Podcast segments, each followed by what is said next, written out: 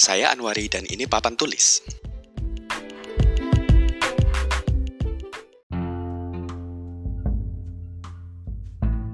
Dahulu ketika masih S1 di kelas kurikulum dan pengajaran, dosen-dosen saya sering membicarakan bagaimana kurikulum dan pengajaran di negara-negara tetangga atau negara-negara regional lain.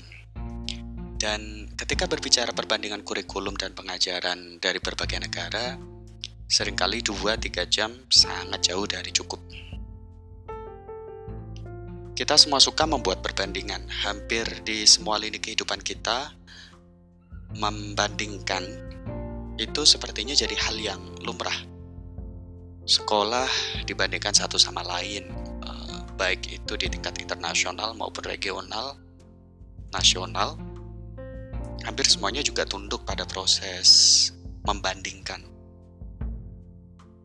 Ketika reformasi pendidikan saat ini sedang menjadi isu yang sangat sering dibahas, statistik PISA atau yang kita kenal menjadi salah satu studi komparatif rujukan yang ada di dunia seakan memiliki dunia sendiri. Dan hingga saat ini beberapa negara seperti Finlandia, Korea Selatan maupun tetangga kita Singapura sering dipandang sebagai sumber inspirasi bagi negara-negara lain. Mengapa negara-negara itu Alasannya karena nilai yang mereka dapatkan pada penilaian PISA setiap tiga tahunan secara konsisten baik. Um, tapi apa sebenarnya PISA? PISA sendiri adalah singkatan dari Program for International Student Assessment dan ini adalah proyek penelitian internasional berskala besar yang menguji pengetahuan dan skill anak berusia 15 tahun. Penelitian ini dilakukan untuk pertama kalinya pada tahun 2000 dan diulang setiap tiga tahun dan yang terakhir adalah tahun 2018 untuk saat ini.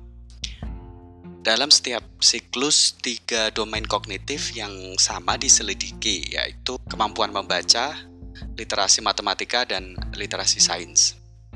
Penekanannya ditempatkan pada keterampilan dan pengetahuan fungsional yang dianggap akan memungkinkan siswa pada masa yang akan datang dapat menggunakannya secara aktif dalam masyarakat. Dan yang terakhir, studi komparatif ini sudah dilakukan dan digunakan sebagai rujukan utama untuk penyusunan kebijakan pendidikan di setidaknya 80 negara termasuk Indonesia.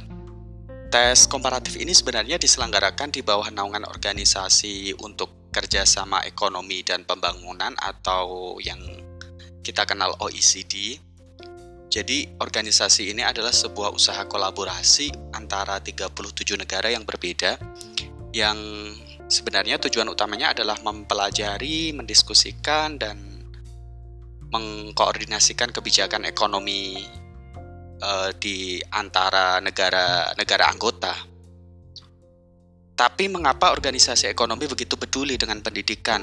Uh, alasannya karena si OECD percaya bahwa pendidikan yang memiliki performa tinggi atau berkinerja tinggi dapat memiliki efek positif pada perekonomian. Um, dalam bidang studi pedagogi komparatif, ada elemen yaitu bagaimana suatu negara berupaya dalam meningkatkan efektivitas pendidikan dan pengajaran. Itu yang menjadi salah satu fokus dasar dari uh, tes PISA yang diadakan oleh OECD. Hal ini juga sebenarnya mempengaruhi bagaimana kita berpikir dan berbicara tentang pendidikan yang sebenarnya mengalami pergeseran dari semula yang berkaitan dengan pertanyaan tentang interaksi pedagogik, lalu kemudian berubah menuju pendekatan yang sebenarnya lebih berbasis hasil. Cara berpikir ini sebenarnya juga memunculkan pemikiran bahwa kenyataan pendidikan menjadi lebih terbatas karena kita cenderung melihatnya dari hasil dan angka saja, bukan sebuah keseluruhan proses yang khas dan kompleks. Semakin nyaman kita menggunakan cara pandang terbatas ini dalam melihat pendidikan dan pengajaran di suatu negara, semakin mudah membandingkannya dan semakin sedikit kita dapat memperhitungkan konteksnya. Hal ini juga sangat menarik untuk dibahas. Apakah kita bergerak ke arah sistem pendidikan yang seragam untuk dunia sekarang yang semakin mengglobal, atau apakah ini hanya cita-cita yang bisa dikatakan utopia saja. Terlepas dari angka PISA yang sering dikutip, sebenarnya ada sejumlah studi komparatif lainnya, terutama dalam bidang literasi dan matematik, yang banyak orang anggap sebagai bidang dominan. Contoh lain dari studi komparatif itu adalah Trends in International Mathematics and Science Study atau TIMSS. Uh, studi komparatif ini untuk siswa kelas 4 dan 8 uh, eh, fokus pada matematika dan sains. Kemudian kalau di bidang literasi ada yang namanya PEARLS. PEARLS sendiri uh, kependekan dari Progress in International Reading Literacy Study. Dan kedua studi komparatif ini di bawah organisasi IEA atau the International Association for the Evaluation of Educational Achievement studi-studi ini sebenarnya memiliki tingkat kontrol kualitas yang tinggi, tetapi tidak menyentuh konteks perbedaan secara mendalam di setiap negara sasaran studi komparatif tersebut. Pada skala yang lebih kecil, ada juga beberapa studi komparatif yang melibatkan sejumlah negara atau wilayah yang lebih terbatas, di mana dimungkinkan untuk melihat lebih dekat pada detail kontekstual. Uh, studi-studi ini juga kurang dikenal oleh publik, namun tetap valid.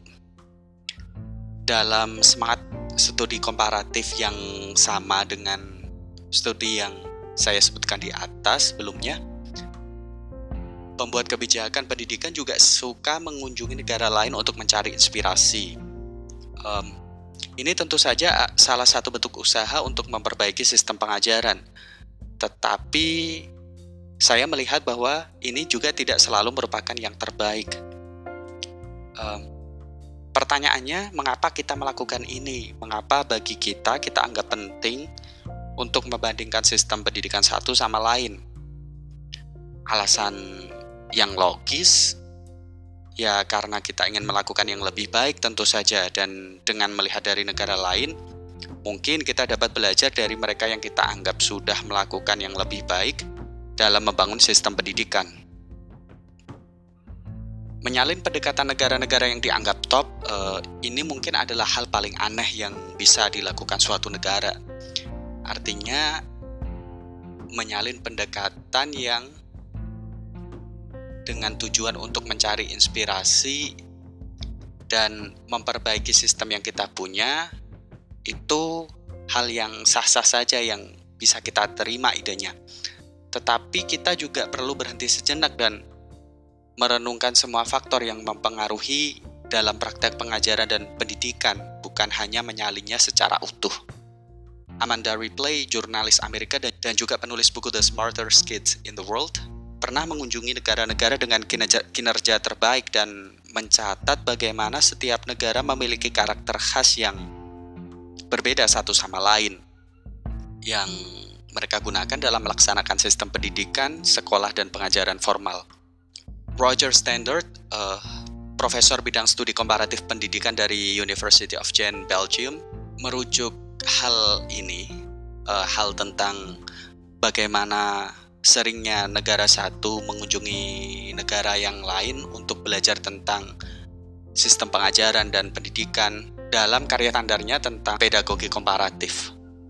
Menurut sang profesor, menurut sang profesor kita terlalu sering lupa bahwa konteks di mana pendidikan itu terjadi bisa sangat berbeda di negeri dan wilayah lain sehingga menyalin elemen dari sistem pendidikan dalam tanda kutip asing itu, apalagi menyalin pendekatan yang ada secara penuh, tidak mungkin berhasil kalau digunakan dalam upaya pengembangan pendidikan yang sedang kita diupayakan di tingkat nasional. Sebagai contoh, hasil pendidikan dari suatu negara yang mendapat skor bagus dalam daftar PISA sering sering dianalisis secara tidak memadai sehubungan dengan kompleksitas dari proses pendidikan dan pengajaran yang terjadi di negara atau wilayah itu, seperti perubahan demografi, tradisi, dan sumber daya alam. Karena alasan ini sebenarnya juga membandingkan pendidikan dan pengajaran negara terkadang membingungkan. Sebagai contoh dalam laporan komparatif yang diter diterbitkan oleh Pearson tahun 2012, Finlandia dan Korea Selatan berdiri di tempat pertama dan kedua, namun sulit untuk menemukan dua negara yang sangat berbeda dalam pendekatan pendidikan yang mereka gunakan, seperti yang dijelaskan oleh Amanda Ripley dalam bukunya pada tahun 2013. Finlandia lebih progresif dengan sedikit penekanan pada tes standar dan Finlandia lebih fokus pada isu kesetaraan, kreativitas, dan cara hidup yang sehat bagi anak. Sedangkan di Korea Selatan, pendekatannya cukup tradisional dengan nilai yang melekat pada keterampilan teknis dan hasil tes dan angka. Finlandia membangun sistem pendidikannya dengan adanya pengaruh value dari budaya Nordik, sedangkan Korea Selatan dengan budaya Asia Timur. Karena alasan inilah standard memperingatkan kita bahwa kita sebagai pengunjung di negara yang kita sebut tadi, kadang-kadang kita bisa sangat antusias tentang apa pun praktek pendidikan pengajaran yang ada di sana. Sedangkan negara yang kita kunjungi juga sebenarnya sering kali memiliki keraguan pada praktek pendidikan dan pengajaran yang mereka lakukan. Intinya, kita perlu berhati-hati bahwa mencontoh dari negara lain tidak digunakan untuk melegitimasi motif politik kita sendiri dalam bidang pendidikan. Lihat praktek pendidikan yang ada dari dua sisi dan ini sangat penting dan perlu sehingga kita bisa mendapat gambar secara penuh untuk menghindari kesalahan fatal jika kita ingin meniru atau mencari inspirasi dari sistem yang ada di negara yang kita anggap sudah baik. Kita perlu melihat kembali bahwa kita hidup di dunia global agar kita terus berinovasi dalam pendidikan dan pengajaran. Global yang saya maksud adalah padanan dari kata global dan lokal. Ada yang bisa kita pelajari tentang data dan informasi secara global, tetapi wisdom tetap perlu diterjemahkan secara lokal. Negara-negara yang kita lihat sistem pendidikannya sebagai rujukan pasti bisa menjadi sumber inspirasi untuk memperbaiki sistem pendidikan nasional yang kita miliki. Tetapi ada catatan, pendidikan dibangun oleh sistem yang kompleks, baik itu di skala nasional maupun lokal, di mana sekolah, guru, dan siswa berada, sehingga hanya meniru pendekatan negara lain bukanlah jaminan kesuksesan untuk membentuk sistem pendidikan nasional yang kita tuju.